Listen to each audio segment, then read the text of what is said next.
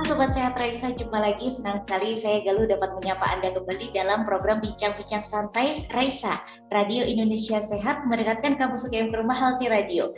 So, semoga Anda di hari ini sehat ya Sobat Sehat dan senang sekali di sore hari ini kita berada dalam Bincang-Bincang Santai untuk Anda Sobat Sehat yang lagi mantengin Raisa Radio melalui radio streaming atau melalui Zoom atau website, selamat sore dan semoga Anda menikmati di bincang-bincang santai sore hari ini. Sobat sehat, sore hari ini dalam bincang-bincang santai edisi hari Senin 8 November 2021 kita akan berbincang mengenai resistensi antibiotik, seberapa bahayakah bersama dengan narasumber kami, Bapak Dr. Dr. Ustamaji, Magister Kesehatan dari Departemen Farmakologi dan Terapi FKKMK UGM dan akan ditemani oleh Dr. Surya Wijaya dari PPDS Ilmu Kesehatan Anak FKKMK UGM. Baik, untuk Dr. Surya kami persilakan. Baik, nah, selamat uh, siang. Terima kasih Mbak Galuh atas introduksinya. Uh, selamat siang Sobat Sehat. Tentunya kabar saya harap dalam kondisi yang sehat ya. Senang sekali kita uh, dapat berjumpa kembali dalam acara bintang bincang santai Raisa pada sore hari ini.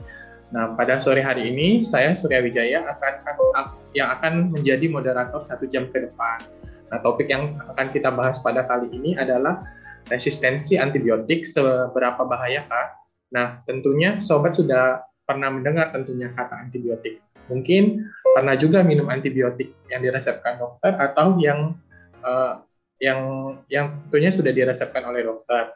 Nah, namun apakah sobat sekalian sudah tahu apa itu tentang resistensi dan tentang resistensi antibiotik? Lalu apa sih bahaya resistensi antibiotik itu?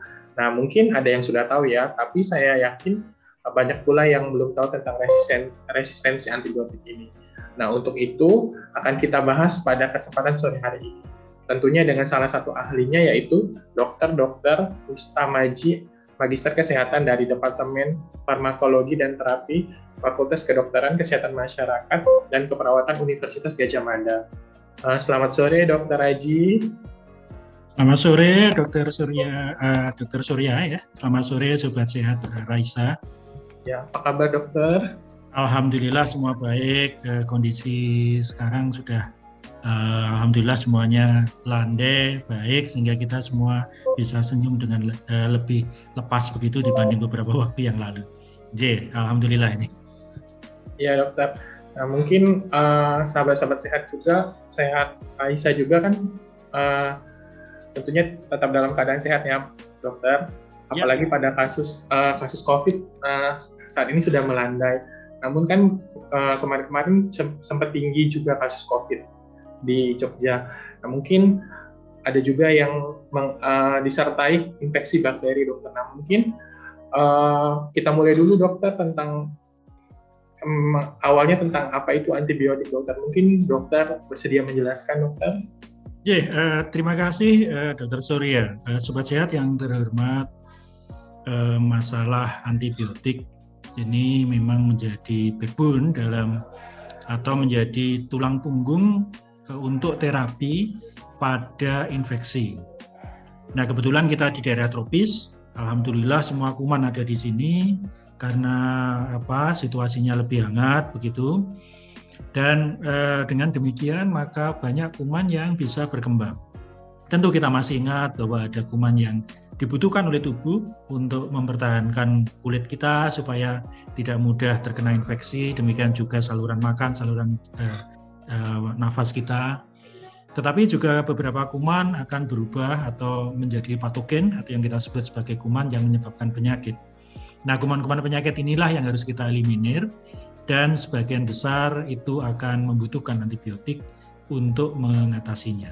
Mungkin secara umum seperti itu sehingga kita uh, tahu uh, antibiotik ini ditemukan menjadi suatu apa komoditas yang Eh, menyelamatkan banyak nyawa mulai di tahun 40-an eh, begitu karena sudah masif sekali eh, introdusirnya dan tetapi beberapa waktu setelah kita menemukan penisilin ternyata di jurnal Nature sudah ditemukan bahwa ada yang resisten ada kuman yang resisten terhadap penisilin. Jadi begitu cepatnya alam ini menciptakan proteksi untuk diri mereka dalam perkembangbiakan Mungkin itu Dokter Surya pengantar dari kami.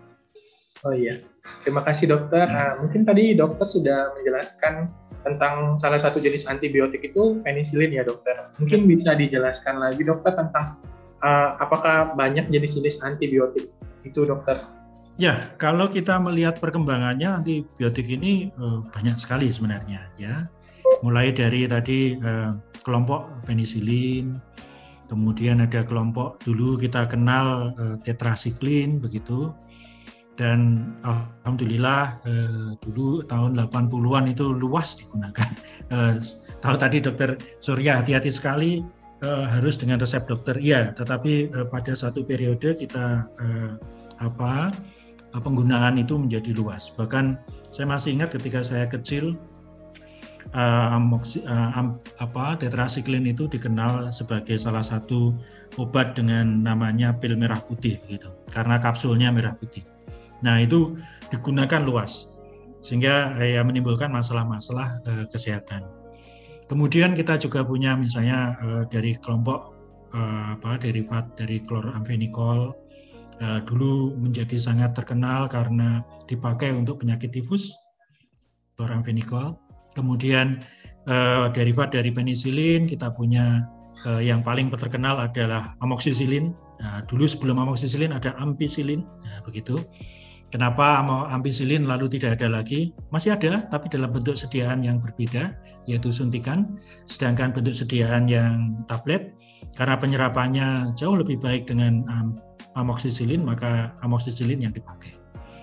Kemudian kita masih punya antibiotik yang lain eh, dari kelompok apa eh, ceftriaxone, nah, begitu dan derivatnya Kemudian uh, setelah itu juga masih uh, punya kelompok antibiotik lain yang digunakan untuk plasmodium misalnya, uh, misalnya yang uh, untuk kelompok-kelompok membunuh uh, malaria, yaitu obat-obat anti malaria.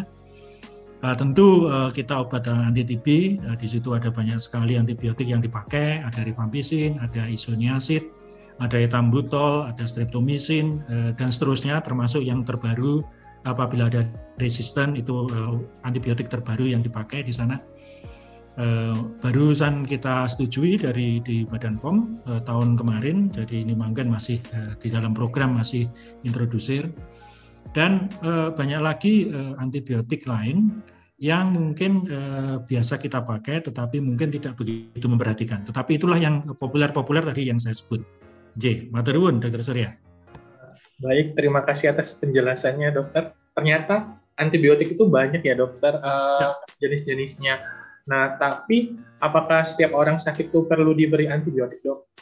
Uh, nah, jadi ini. kapan antibiotik itu diberikan? Kan kadang-kadang pasien tuh datang, dok, kenapa dok kok nggak diberi antibiotik? Biasanya saya diberi antibiotik seperti itu dok. Ya betul itu. Ya, ada satu periode, sekali lagi ada satu periode hampir karena infeksi dan booming antibiotik saat itu, uh, maka kita menggunakan antibiotik. Paling terkenal ketika eradikasi uh, penyakit-penyakit uh, yang manifestasinya di kulit. Dulu menggunakan suntikan penisilin langsung hilang, gitu. Uh, saya dulu patek ya istilahnya patek gitu. Itu uh, segera hilang. Maka ya, injeksi menjadi sangat booming. Apa-apa diinjeksi. Termasuk lama-lama zaman saya masih awal-awal jadi dokter, banyak pasien yang meminta injeksi vitamin B. Nah, ini eh, apa? Jadi sampai pemerintah eh, Kenkes, eh, Depkes saat itu namanya, mengintrodusir program eh, pengurangan antibiotik. Jadi ada dulu namanya rasional drug use, eh, pengobatan rasional. Di situ ada tiga parameter utama yang pertama adalah percentage resep eh, yang harus eh, mengandung antibiotik, kemudian percentage resep yang mengandung injeksi dan juga terakhir adalah polifarmasi. Itu merupakan indikator utama untuk rasional drug use. Kemudian mungkin seiring dengan perubahan apa namanya policy pemerintah karena lalu yang meng, yang apa yang akan memiliki concern lebih besar adalah pembayar dalam hal ini BPJS, maka BPJS mengeluarkan beberapa panduan untuk uh, merasionalkan penggunaan obat-obat itu. Nah, kembali ke uh, bagaimana sebenarnya uh, antibiotik ini harus digunakan, maka uh, sebenarnya yang pertama harus dipastikan itu ada kuman atau sesuatu yang menyebabkan sakit. Jadi harus dibuktikan dulu. Dulu uh, guru kami uh, Prof. Iwan Darmansyah dari UI mengatakan ketika saya masih awal-awal dulu apa namanya uh, beliau adalah ahli farmakologi jadi kita berguru juga ke beliau meskipun kami UGM uh, menyampaikan bahwa begini kalau uh, you mau meresepkan antibiotik minimal you harus tahu tentang kumannya apa. Apakah gram positif atau gram negatif. Itu saya ingat betul. Dan memang pada saat kami uh, apa sekolah dulu ada kewajiban untuk menguasai cara pengecatan gram. Sehingga eh, spesimen itu kita cat kemudian dari hasil cat gram positif atau negatif itu kami memilih uh, antibiotiknya karena jangan sampai keliru uh, yang gram positif digunakan uh, antibiotik yang untuk gram negatif dan seterusnya meskipun ada banyak yang nero maka yang kita pakai banyak banyak nero amoxicillin misalnya itu kan termasuk yang nero apa uh, yang broad spectrum maksud saya Nah, kalau Nero itu adalah yang spesifik untuk uh, kumannya saja. Misalnya untuk TB, maka itu adalah uh, hanya digunakan untuk TB saja. Nah, kembali ke kapan akan menggunakan antibiotik, pertama tentu uh, harus ditemukan kumannya. Namun karena proses ini lama, kemudian proses itu juga mungkin memerlukan uh, ekspertis tertentu Eh, misalnya kalau di rumah sakit kita harus uh, memastikannya dengan kultur. Hasil kultur tidak cepat, bisa beberapa hari. Dengan demikian penggunaan antibiotik dimungkinkan menggunakan secara empiris. Nah penggunaan empiris ini tentu akan di uh, apa disepakati dalam bangsal, dalam rumah sakit, dalam uh, puskesmas atau wilayah kerja tertentu. Uh, apa antibiotik yang paling pas dan kapan akan digunakan. Itulah yang kita sebut sebagai pedoman terapi antibiotik. Eh, Kemkes dalam hal ini sudah beberapa kali menerbitkan panduan-panduan itu terutama untuk puskesmas dan juga guiding-guiding untuk eh, yang harus di rumah sakit. Nah, tentu uh, empiris uh, antibiotik yang digunakan di sini harusnya adalah berdasarkan kepada Eh, bagaimana pola-pola yang uh, pemilihan yang tepat untuk kuman-kuman pada penyakit-penyakit yang memang mungkin spesifik untuk untuk kuman tersebut. Jadi ini tidak uh, mudah karena memang memerlukan kesepakatan para ahli. Dalam hal ini adalah ahli yang ada di wilayah itu. Bahkan kalau kita melihat pola eh, apa resistensi antibiotik yang ada di bangsal antar bangsal di satu rumah sakit mungkin akan berbeda juga. Bangsal bedah dengan non bedah itu akan sangat berbeda uh, polanya. Bahkan hanya satu bangsal. Bayangkan kalau itu terjadi di tempat yang lebih luas. Nah inilah dokter ke, apa kesulitan-kesulitan kita tetapi memang harus kita lakukan ini semua dan kalau di rumah sakit kita sudah ada tim pengendali resistensi antibiotik ya itulah yang bekerja secara terus-menerus melakukan monitoring, surveillance untuk uh, memilih antibiotik yang paling tepat pada kondisi tertentu. Itu dokter yang mungkin bisa saya sampaikan. Iya, terima kasih dokter. Jadi berarti untuk kuman-kuman tertentu ya dokter, berarti uh, kalau hanya untuk kuman-kuman seperti bakteri atau yang parasit seperti yang kasus pada malaria ada beberapa antibiotik yang bisa membunuh ya dokter. Ya. Kalau untuk infeksi virus atau jamur, apakah perlu dokter diberikan antibiotik dokter? Ya, antibiotik untuk virus itu uh, sebagian besar tidak memerlukan, tetapi yang kita butuhkan adalah antivirus sendiri sebenarnya. Nah, masalahnya adalah sebagian besar penyakit virus itu adalah self-limiting disease, kecuali yang memang nanti uh, ber, apa memiliki titik tangkap misalnya di otak. Nah, ini yang harus memerlukan apa uh, antivirus yang tersendiri. Nah, pilihan-pilihan itu uh, kalau misalnya yang kontroversi kalau uh, kita ikuti adalah infeksi saluran pernafasan, bagian uh, yang secara akut, terutama yang mengenai bagian atas begitu, itu biasanya adalah virus. Nah, dalam kondisi infeksi virus macam ini, kita tidak memerlukan antibiotik yang untuk bakterial. Nah, kalau bakteri, uh, antibiotik itu artinya ke bakterial ya. Sedangkan kalau apa uh, anti kuman yang lain maka kita sebut sebagai mungkin anti mikroba begitu. Nah, antibiotik yang uh, khusus untuk yang apa semacam penyakit kalau kita lihat batuk pilek lah kita sebut ya uh, di luar corona sekarang bilang di luar corona. Nah itu kita tidak memerlukan antibiotik. Mengapa? Karena sebagian besar itu akan uh, di apa diinfeksi oleh adanya virus. Nah, virus tidak akan mati dengan antibiotik. Dia uh, biasanya self-limiting disease yang ada di uh, daerah tropis ini. Berbeda ya, uh, sakit flu kita dengan sakit flu-nya kawan-kawan yang di subtropis itu berbeda sekali. Kalau di sana memang menjadi lebih berat. Tetapi uh, pada beberapa orang tua mungkin juga bisa mengenai uh, terkena uh, apa influenza yang seperti di uh, apa negara-negara dengan empat musim orang tua. Makanya dianjurkan juga untuk lakukan vaksinasi uh, influenza untuk uh, orang-orang uh, yang rentan, termasuk orang tua. Itu untuk mencegah supaya ketika uh, apa namanya ada infeksi influenza dia lebih uh, tahan begitu. Kira-kira seperti itu, dokter. Sehingga uh, saya mengatakan sekali lagi bahwa antibiotik hanya untuk case yang karena kuman dan itu bisa dibunuh oleh antibiotik. Maka harus dibuktikan Nah, dokter memiliki kemampuan untuk mendiagnosis ini. Baik itu dirawat jalan maupun dirawat inap. Perangkatnya macam-macam. Nah, tergantung eh, apa yang tersedia. Yang kedua, eh, antibiotiknya memang tersedia. Ya, yang jadi masalah adalah antibiotiknya nggak banyak. Gitu. Kayak meskipun saya sebut tadi macam-macam, tapi kan itu eh, kadang-kadang misalnya rifampicin tidak boleh pakai dipakai yang lain karena dia hanya boleh dipakai untuk program TB. Mengapa? Ya karena Eh, TB ini Indonesia saja sudah sepertiga penduduknya uh, terinfeksi.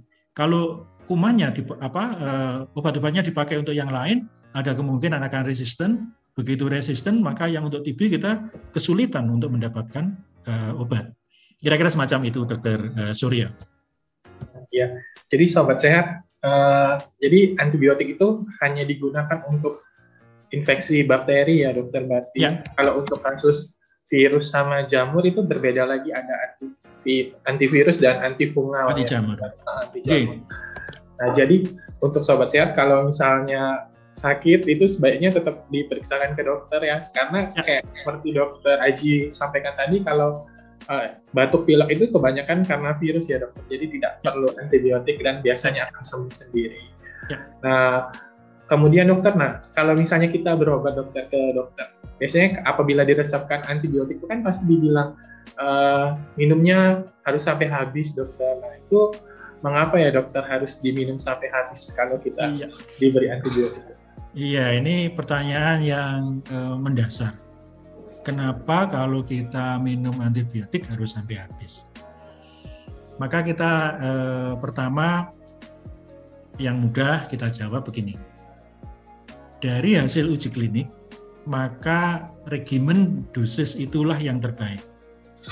Artinya sudah diuji coba pada populasi yang sakitnya eh, sama dengan yang kemungkinan akan diberikan oleh dokter itu. Kemudian eh, pasien-pasien itu ketika diberikan regimen eh, tertentu dalam jumlah tertentu, dalam dosis tertentu, itu 100% atau eh, katakanlah begitu, kumannya tereradikasi dan gejalanya hilang. Karena di dalam terapi infeksi ada dua dokter dan sobat eh, sehat selalu, bahwa yang dieradikasi atau yang dikurangi adalah kuman patogennya, dan kita berharap itu bisa terjadi. Yang kedua adalah reaksi tubuh kita. Nah, reaksi tubuh kita kadang-kadang uh, masih muncul ketika uh, apa namanya uh, kumannya sudah hilang. Nah ini kadang-kadang uh, memang uh, menyulitkan, tetapi dokter biasanya sudah paham uh, kondisinya. Itulah sebabnya kita harus menghabiskan. Uh, kenapa saya mengatakan demikian?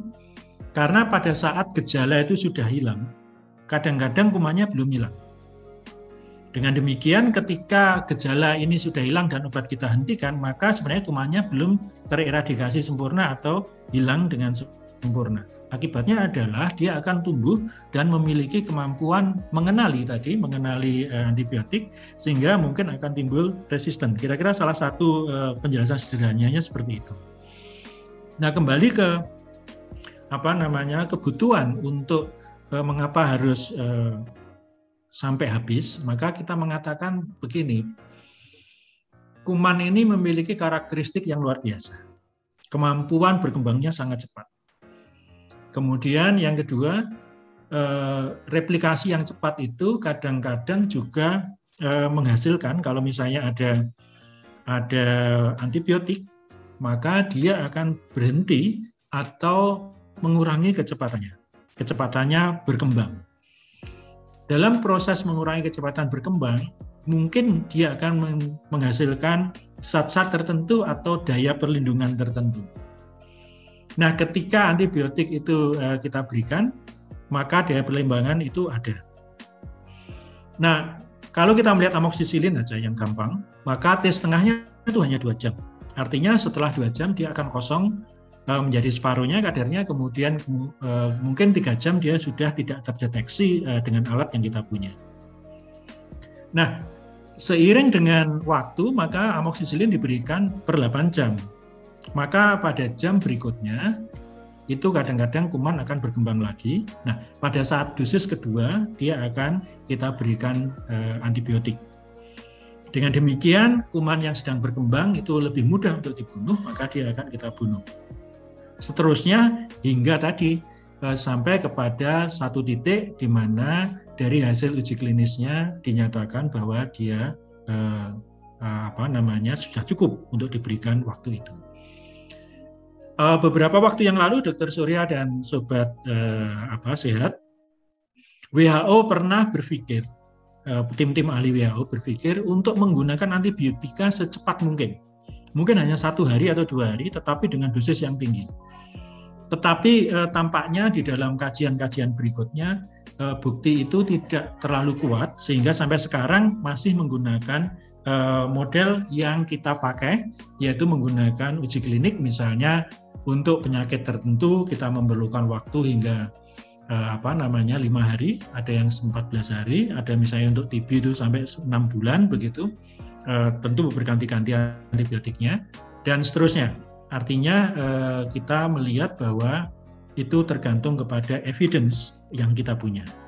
Mungkin itu Dokter Surya. Oh ya, terima kasih Dokter.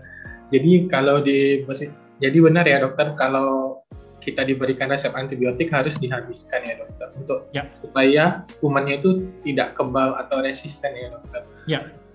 Nah jadi sebenarnya kalau untuk uh, resistensi antibiotik itu sendiri sebenarnya apa dokter dan seberapa tinggi angkanya sebenarnya di di populasi kita atau di masyarakat dokter? Di masyarakat ya ini menarik karena resistensi antibiotik ini uh, apa diskusi yang panjang ini Dulu kita punya ahli eh, beliau dari Erlangga, eh, Profesor eh, Garjito almarhum itu tahun 80-an sudah teriak-teriak hal ini.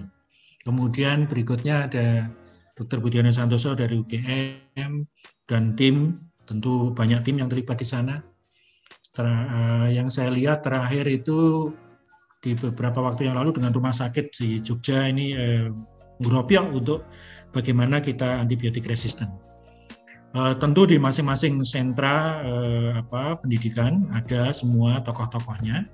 Dan kalau lihat angka, sebenarnya kalau melihat angka ini kita mengatakan kita Indonesia datanya uh, mungkin tidak terlalu bagus. Karena apa? Karena memang sistem record, reporting kita yang mungkin tidak lengkap. Namun kalau mengacu kepada data di luar negeri, jadi kalau data di, di CDC di Amerika, maka eh, tampaknya ada masalah besar untuk itu. Di tahun 2019 itu dikatakan oleh CDC bahwa eh, untuk kejadian antibiotik resisten infeksi, ya, infeksi anti, karena antibiotik resistensi ini dalam satu tahun itu kira-kira 2,8 eh, juta case ya. dan yang meninggal itu ada 35 ribuan. Nah ini eh, apa namanya satu hal yang eh, cukup besar di tahun 2017 untuk Clostridium difficile, difficile itu kira-kira ada kematian 12 ribu lebih di sana. Nah tentu kita eh, menghadapi ini semua mungkin eh, kita angka kita mungkin lebih sedikit atau bisa lebih besar karena kita tidak punya data pastinya. Dalam arti data itu ada di masing-masing rumah sakit, tetapi data nasional mungkin eh, berkisar antara angka-angka yang tadi. Eh, apa namanya? Eh, mungkin ya sekitar eh, tidak terlalu banyak, tetapi eh, mungkin persentasenya cukup eh, besar di tempat kita. Itu yang uh, bisa saya sampaikan. Tapi masalahnya adalah uh, untuk resistensi antibiotik ini uh, bisa terjadi bukan semata-mata karena apa namanya uh, karena penggunaan yang salah oleh dokter, tetapi juga kontribusi dari uh, masyarakat kontribusi eh, apa namanya dari tempat lain juga bisa.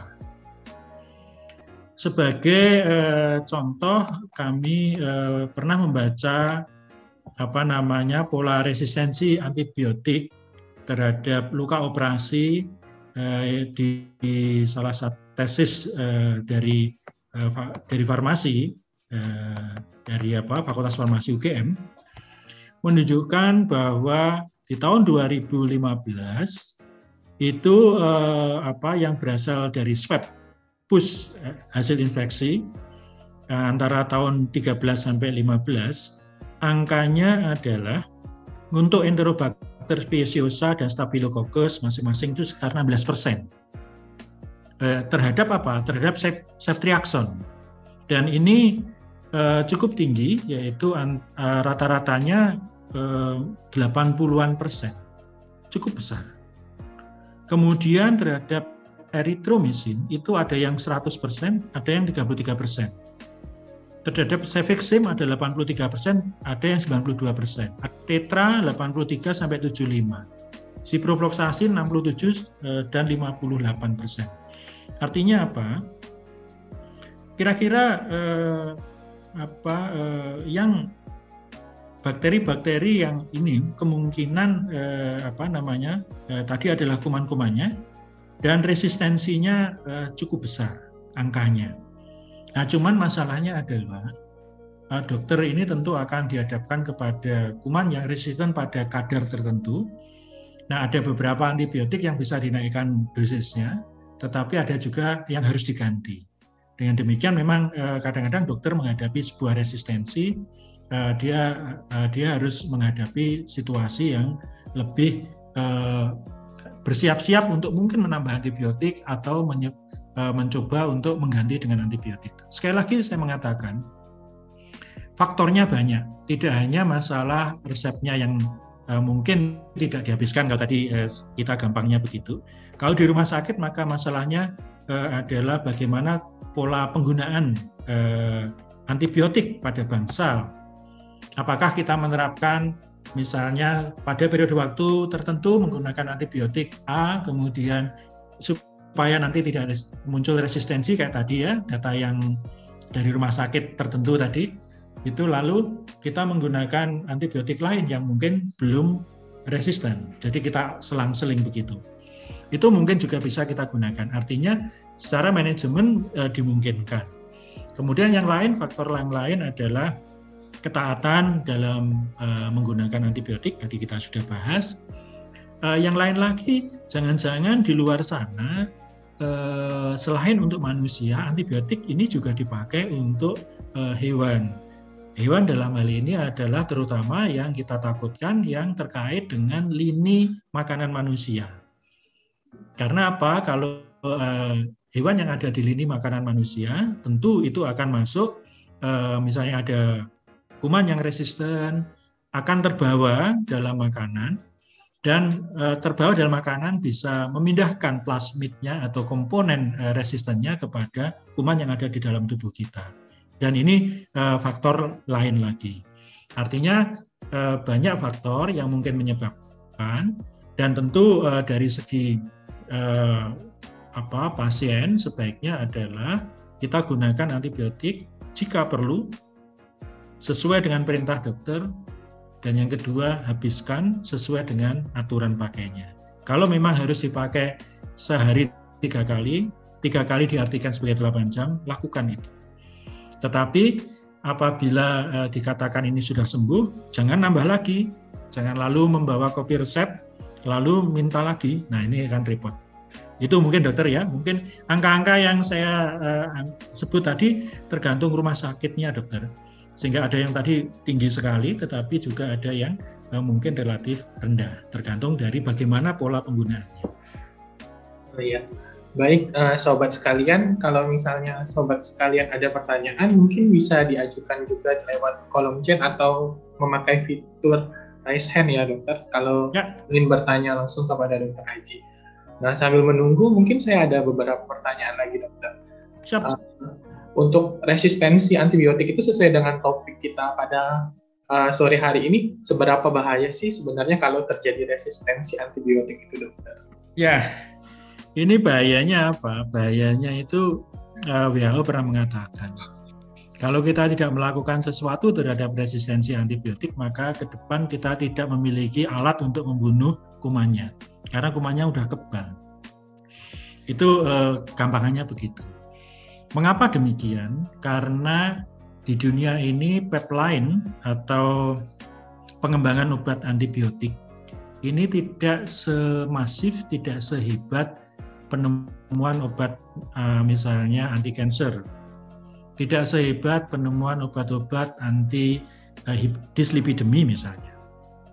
Uh, karena kalau kita melihat pipeline yang ada uh, misalnya yang WHO pernah sampaikan eh, di tahun 2000 eh, apa 2015 eh, 2017 ya kira-kira itu angka eh, antibiotik yang sedang eh, diuji klinis jadi belum sampai kepada eh, dilepaskan ke pasar masih di uji klinis itu tidak lebih dari 51 ya masih 51 eh, jenis dan dari 51 jenis itu tidak semua sudah sampai ke fase 3. Jadi eh, kalau kita mengembangkan obat sebelumnya harus diuji pada apa namanya hewan atau data preklinis.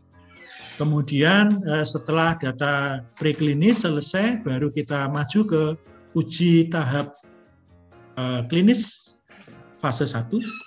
Kemudian itu pada manusia sehat kemudian ya kita melihat apakah diserap atau tidak mekanisme kerjanya mungkin bisa kita lihat efek samping dan lain-lain. Kemudian yang lain adalah kaitannya dengan apa namanya interaksi dengan obat yang lain. Sedangkan kalau kita melihat di fase 2 itu adalah e, penelitian pada manusia sakit. Jadi penelitian pada manusia sakit pada pasien dan uh, nantinya uh, sampai kepada kalau kalau sudah jelas ada manfaatnya pada manusia sakit dalam jumlah kecil akan dilanjutkan pada pencarian data evidence base yang kuat pada fase 3. Di tahun 2015 ya kalau tidak salah ini ya yang saya punya data itu adalah data WHO untuk apa di tahun 2000 17 tetapi mungkin angka-angkanya diambil dari sebelumnya yaitu di 15 eh, atau 16 maka eh, apa jumlah 51 tadi itu masih masih terbagi. Yang pertama adalah untuk fase 3 yang akan eh, muncul eh, untuk antibiotik yang umum itu kira-kira hanya ada 14 jenis. Kemudian untuk eh, TB itu ada satu jenis, Kemudian untuk Clostridium eh, div eh, yang tadi yang saya sebut, yang di Amerika menimbulkan masalah ada satu. Artinya yang siap untuk dikeluarkan atau dipakai itu hanya sekitar 13 ditambah 1 atau 15. Dari 15 ini belum tentu semuanya akan bisa lolos karena mungkin masalah efek samping dan seterusnya.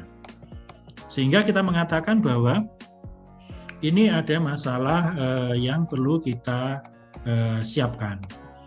Mengapa demikian? Karena apabila eh, terjadi resistensi, maka kita memerlukan obat yang lebih kuat. Nah, obat yang lebih kuat atau yang lebih eh, eh, mampu membunuh kadang-kadang itu tidak tersedia di Indonesia. Mengapa demikian? Karena Indonesia menganut bahwa antibiotik yang ada kita gunakan semaksimal mungkin. Kemudian kalau ada antibiotik baru, ini hanya untuk di reserve. Nah, proses reserve itu artinya tidak boleh dipakai. Hanya dipakai dalam kondisi yang sangat berat. Nah, kondisi yang sangat berat ini tentu eh, apa namanya pemerintah harus melakukan eh, cara agar antibiotik ini tidak dipakai secara luas. Sebagai gambaran begini, dulu kita pernah ketika menyetujui penem ya kelompok penem. Ketika disetujui di awal ini hanya untuk infeksi yang berat, tapi lama-lama di dalam promosi eh, dan lain-lain penggunaannya menjadi luas sehingga akhirnya sekarang banyak terjadi resistensi terhadap penem, kelompok penem. Nah, tentu dengan resistensi dengan kelompok penem, kita akan kesulitan mencari antibiotik apa yang akan menggantikan penem karena eh, apa kalau kita kembali ke misalnya ke amok belum tentu dia eh, mampu karena memang buktinya harus kita cari berikutnya. Inilah eh, kesulitan pemerintah maupun eh, dunia medis khususnya untuk eh, mengendalikannya. Tanpa pengendalian, maka lama-lama dunia medis tidak memiliki alat untuk membunuh kuman. Sebagai gambaran TB misalnya, eh, kalau misalnya ada resisten, maka kita akan menggunakan lini kedua, lini ketiga, dan lini keempat. Nah, tentu itu memerlukan biaya yang jauh lebih mahal. Karena apa? Karena antibiotik yang di reserve untuk lini-lini selanjutnya tentu tidak digunakan secara luas. Karena tidak digunakan secara luas, tentu biaya produksi uh, dan juga apa karena dia tidak dipakai otomatis kan ini uh, uang yang berhenti begitu. Dengan demikian uang yang berhenti ini tentu uh, tidak menarik untuk uh, industri uh, yang menyediakannya. Nah, inilah kesulitan kita selain dari segi apa namanya medisnya bahwa kita akan kehabisan uh, senjata, senjata yang bagus tentu saja Tadi kita masih menunggu 15 antibiotik tadi yang akan masuk ke pasar, tetapi sampai sekarang kita baru dapat satu atau dua dari kelompok TB, yang lain kita belum belum ada yang mendaftar di Indonesia dari 15 tadi. Artinya Indonesia masih menggunakan antibiotik yang eh, tersedia sekarang. Nah, inilah eh, apa sobat sehat semua, kita menghimbau sekali, marilah kita bersama-sama jangan sampai kita apa tidak memiliki senjata lagi nanti kasihan kalau ada yang sakit dan kebetulan nanti memerlukan antibiotik yang jauh lebih uh, berbeda dengan yang sekarang ada. Itulah dokter uh, Surya kira-kira penjelasan kami. Oh ya, baik dokter. Jadi uh, bahaya sekali ya dokter kalau antibiotik itu uh, dipak mengalami resistensi Nah, jadi kalau untuk uh, resistensi antibiotik itu apakah bisa menyebabkan pandemi dokter atau wabah seperti COVID dokter? Kalau misalnya resisten dokter. Wah ini ini pertanyaan menarik ini. Ini hipotetikal tapi bisa terjadi. Nah, kalau uh, kecepatan antibiotik dalam apa mengendalikan ya kita mungkin kalau wabah selama lingkungannya baik, mode transmisinya bisa dikendalikan, mungkin tidak akan jadi pandemi, tapi mungkin jadi endemi ya, jadi endemi gitu. Sebagai contoh, uh, gonore, nah ini gonore itu kan memerlukan antibiotik. Gonore ini ditransmisikan melalui hubungan seksual yang tidak aman. Nah, karena uh, transmisi yang tidak aman, maka uh, itu hanya ber, berputar pada pelaku-pelaku yang tidak aman itu tadi atau se uh, semua yang bersinggungan dengan itu. Kalau menjadi keluar tidak karena memang dia bersirkulasi hanya pada kelompok-kelompok yang uh, memang bersinggungan dengan uh, apa uh, penyakit itu. Itu uh, bedanya dengan uh, apa namanya uh, untuk COVID misalnya. Tetapi untuk TB, nah ini khusus TB, kita melihat bahwa apabila angka yang kita punya Indonesia ini kan uh, sudah luar biasa ya jumlahnya karena jumlahnya sudah uh, nomor dua di dunia kalau beberapa waktu yang lalu. Dan uh, hampir sepertiga penduduk kita terkena TB maka kalau kita tidak punya alat yang bagus ya bisa jadi eh, apa namanya penyebaran yang meluas di Indonesia.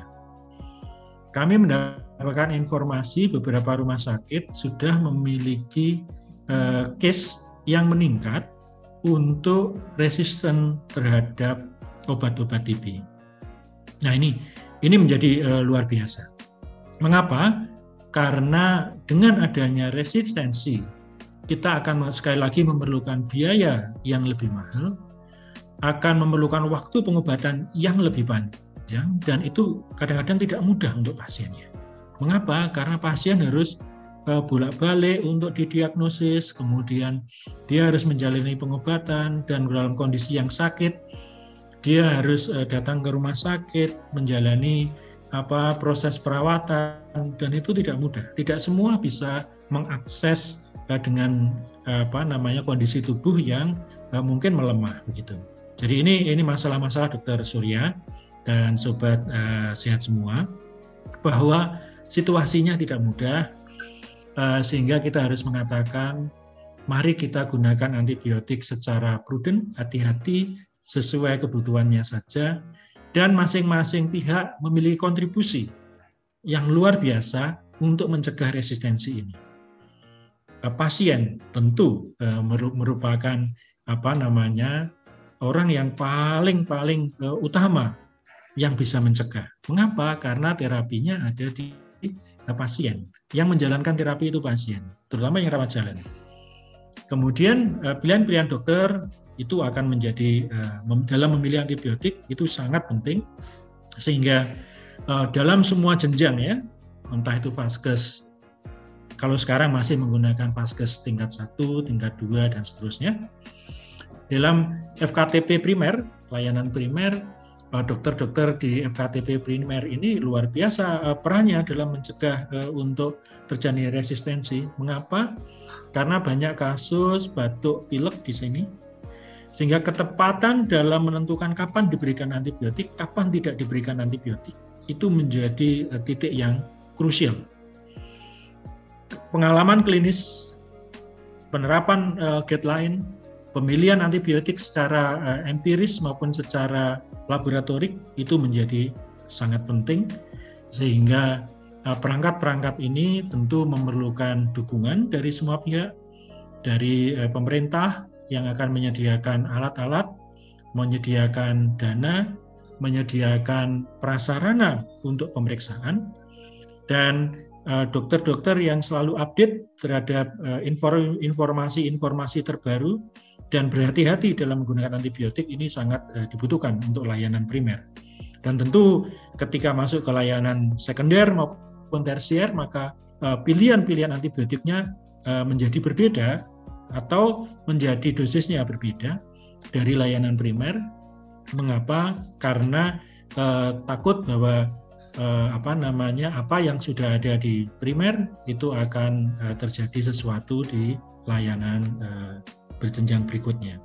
Tapi tidak tertutup kemungkinan bahwa eh, penggunaan pada pasien-pasien yang belum mendapatkan antibiotik eh, obat-obat yang apa namanya mungkin sering kita dengar di layanan primer masih bisa digunakan di layanan tersier karena memang kondisinya berbeda atau memang dia sedang tidak uh, resisten, artinya dia masih sensitif.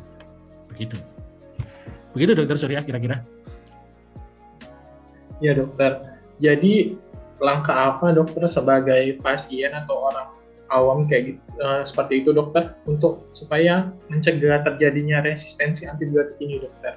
Ya, ini keren sekali. Sekali lagi saya mengatakan peran dari pasien, peran dari masyarakat. Ini penting sekali. Mengapa? Karena uh, uh, kumannya itu ada di komunitas. Kumannya tidak uh, ada di rumah sakit, tapi ada di komunitas. Nah, tentu kalau kita sebagai pasien, yang pertama adalah kalau kita demam. Demam tidak selalu diartikan sebagai kondisi yang memerlukan antibiotik. Itu yang pertama. Yang kedua, kalau kita luka, belum tentu luka kita memerlukan antibiotik. Dulu zaman saya kecil itu ada obat yang begitu populernya eh, berupa serbuk begitu ditaburkan di setiap luka. Nah, setiap luka. Eh, dulu kita sebutnya SA gitu. Nah, itu adalah kelompok sulfa. Maka banyak orang yang tiba-tiba alergi sulfa karena karena apa namanya sering menggunakan itu. Kemudian eh, tidak semua diare memerlukan antibiotik. Ini banyak sekali kawan-kawan eh, masyarakat yang wah ini diare eh, kelihatannya berat, ini kita memerlukan antibiotik. Tidak. Tidak semua eh, penyakit-penyakit yang kita duga eh, memerlukan antibiotik itu membutuhkan antibiotik. Sehingga langkah yang paling pokok adalah Kar, untung kita sudah ada pembatasan untuk e, mengakses antibiotik, sehingga antibiotik tidak dijual secara bebas lagi, tetapi mungkin di beberapa daerah masih dijual e, bebas. Kami menghimbau bahwa antibiotik jangan dijual secara bebas, harus dengan resep dokter. Mengapa? Agar kita bisa mengendalikan. Yang pertama adalah mengendalikan penggunaannya agar tepat hanya pada kasus-kasus tertentu yang menurut dokter itu memerlukan antibiotik itu digunakan. Nah, ketika kita sudah menerima antibiotik, kita sebagai pasien taatlah terhadap aturan pakainya. Dengan taat terhadap aturan pakai, kita berkontribusi yang luar biasa. Dan saudara-saudara adalah pahlawan dalam mencegah terjadinya resistensi antibiotik di masyarakat. Jadi pasien yang sedang menjalani terapi antibiotik dan menjalankan instruksi cara menggunakan obat dengan tepat itu adalah pahlawan yang sebenarnya. Karena mencegah terjadinya resistensi yang mungkin akan menyulitkan dalam terapi selanjutnya. Nah, ini kan keren itu. Itulah peran masyarakat. Sehingga kalau dikatakan dipakai tiga kali sehari, pakailah tiga kali sehari. Kalau memang harus dipakai dua kali sehari, pakailah dua kali sehari. Kalau dipakai satu kali sehari, satu kali sehari. Jam berapa? Ada yang digunakan pagi, ada yang digunakan malam, ada yang digunakan uh, setiap 8 jam. Taatilah aturan itu. Mengapa? Karena ini sudah diuji eh, proses-proses itu itu sudah diuji dan mendapatkan hasil yang terbaik. Yang paling optimal adalah yang eh, disarankan oleh dokter. Tentu dokter akan bisa mengejar kalau ada kasus-kasus di mana misalnya oh gagal ginjal, oh dengan gagal hati, tentu ada penyesuaian-penyesuaian. Itu dokter akan memperhitungkannya. Dengan demikian, kita tidak bisa serta-merta memilih obat uh, sendiri uh, di kemudian membeli karena uh, tentu ada pertimbangan-pertimbangan tadi apakah kondisinya kumannya cocok tidak. Yang kedua, kondisi tubuh kita cocok enggak? Kita punya alergi enggak? Nah, biasanya dokter akan menanyakan yang pertama kali, ada alergi Bapak? Nah, tolong sampaikanlah alergi kalau ada. Ini sering kali eh, pasien tidak menyampaikan, lalu hanya mengatakan bahwa tidak ada alergi. Nah, tapi cobalah bertanya kalau uh, kepada dokter yang dimaksud alergi apa? Karena spektrumnya bisa gatal-gatal sampai melepuh gitu ya. Uh, banyak spektrumnya. Nah, kenapa saya mengatakan uh, alergi ini penting? Karena nanti kalau alergi terhadap satu substans antibiotik yang tadi saya sebut sulfa, maka akan dicari antibiotik yang uh, misalnya alergi dengan penisilin, tentu kita akan memilih yang bukan uh, derivat penisilin begitu. Sehingga uh, bisa lebih aman untuk Bapak Ibu sekalian.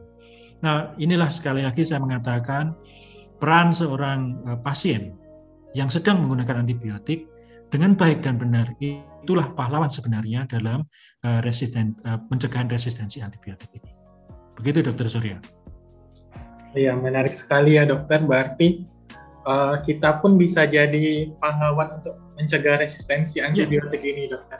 Betul, Kemudian, betul. Kalimat yang tak kalah menarik lainnya itu mencegah lebih baik daripada mengobati ya, Dokter. Betul, betul. Uh, jadi kalau kita sudah resisten suatu antibiotik, mungkin perlu antibiotik lainnya dan justru mungkin harganya juga beda ya dokter lebih mahal ya dokter jauh lebih mahal jauh lebih mahal kalau misalnya uh, apa diproduksi uh, katakanlah satu juta butir gitu ya tentu harganya akan lebih murah dibanding kalau misalnya obat tertentu hanya diproduksi untuk 10.000 butir. nah, untuk biaya produksinya kan sama kira-kira begitu ya. Apalagi kalau bahannya lebih mahal lagi yang yang yang tadi karena masih jarang yang punya. Nah, itu akan jauh lebih tinggi. Kira-kira seperti itu, Dokter. Oh ya. Nah, terima kasih dokter atas penjelasannya yang sangat menarik dan tentunya sangat bermanfaat bagi kita semua ya dokter, terutama untuk sobat-sobat sehat Raisa dokter. Ya, nah, izin uh, izinkan saya merangkum ya dokter, mungkin dari bincang-bincang santai pada sore hari ini. Jadi antibiotik itu merupakan zat uh, yang digunakan untuk membunuh kuman ya dokter, khususnya yes. untuk antibiotik. Kemudian jenisnya itu sangat beragam, namun hanya digunakan pada khusus uh, infeksi yang uh, infeksi bakteri saja dokter. Uh, ya. uh, kemudian uh, di harus sesuai dengan anjuran dokter dan diresepkan oleh dokter untuk mencegah uh, terjadinya resistensi antibiotik karena ya. resistensi antibiotik itu dapat berbahaya karena dapat menyebabkan seseorang itu kebal terhadap kum, uh, kuman ter, yang kuman tertentu itu kebal terhadap antibiotik sehingga antibiotik yang digunakan harus ke golongan yang uh, sensitif atau yang lebih tinggi lainnya golongan lainnya yang mungkin harganya jauh lebih mahal dan juga bisa menyebabkan uh, sembuhnya jadi lebih sulit kalau misalnya pakai antibiotik yang sama dokter.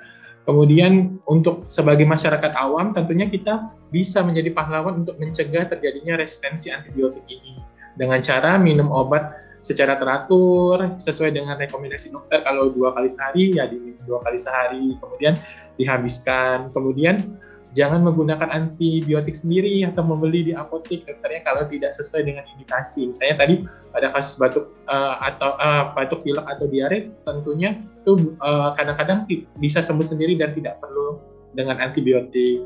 Kemudian menggunakan antibiotik secara tepat. Kalau antibiotik yang dimakan ya dimakan jangan ditabur di kulit ya dokter. Ya, siap. Uh, terima kasih uh, atas uh, kesediaan sekali lagi dari dokter Dr. Rustamaji Magister Kesehatan untuk berbagi uh, untuk kita semua. Terima kasih dokter untuk uh, Terima kasih dokter Surya, terima kasih sobat sehat Raisa yang luar biasa. Terima kasih Mbak Galuh yang tadi menyiapkan acara ini keren sekali. Ya, terima kasih dokter. Uh, izin saya akhiri untuk bincang santai pada sore hari ini. Saya kembalikan lagi kepada Mbak Galuh.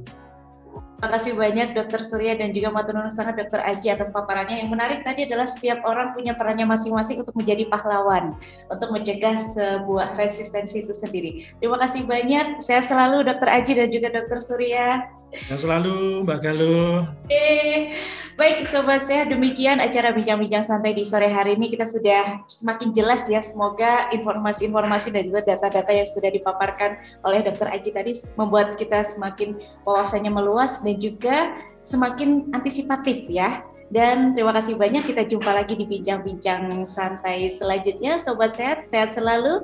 Informasi seputar Raisa Radio bisa Anda dapatkan melalui Instagramnya Raisa Radio di @raisa_radio_gm. Saya Digaluh, mohon pamit undur diri. Mohon maaf apabila ada kesalahan dalam acara berlangsung. Wassalamualaikum warahmatullahi wabarakatuh.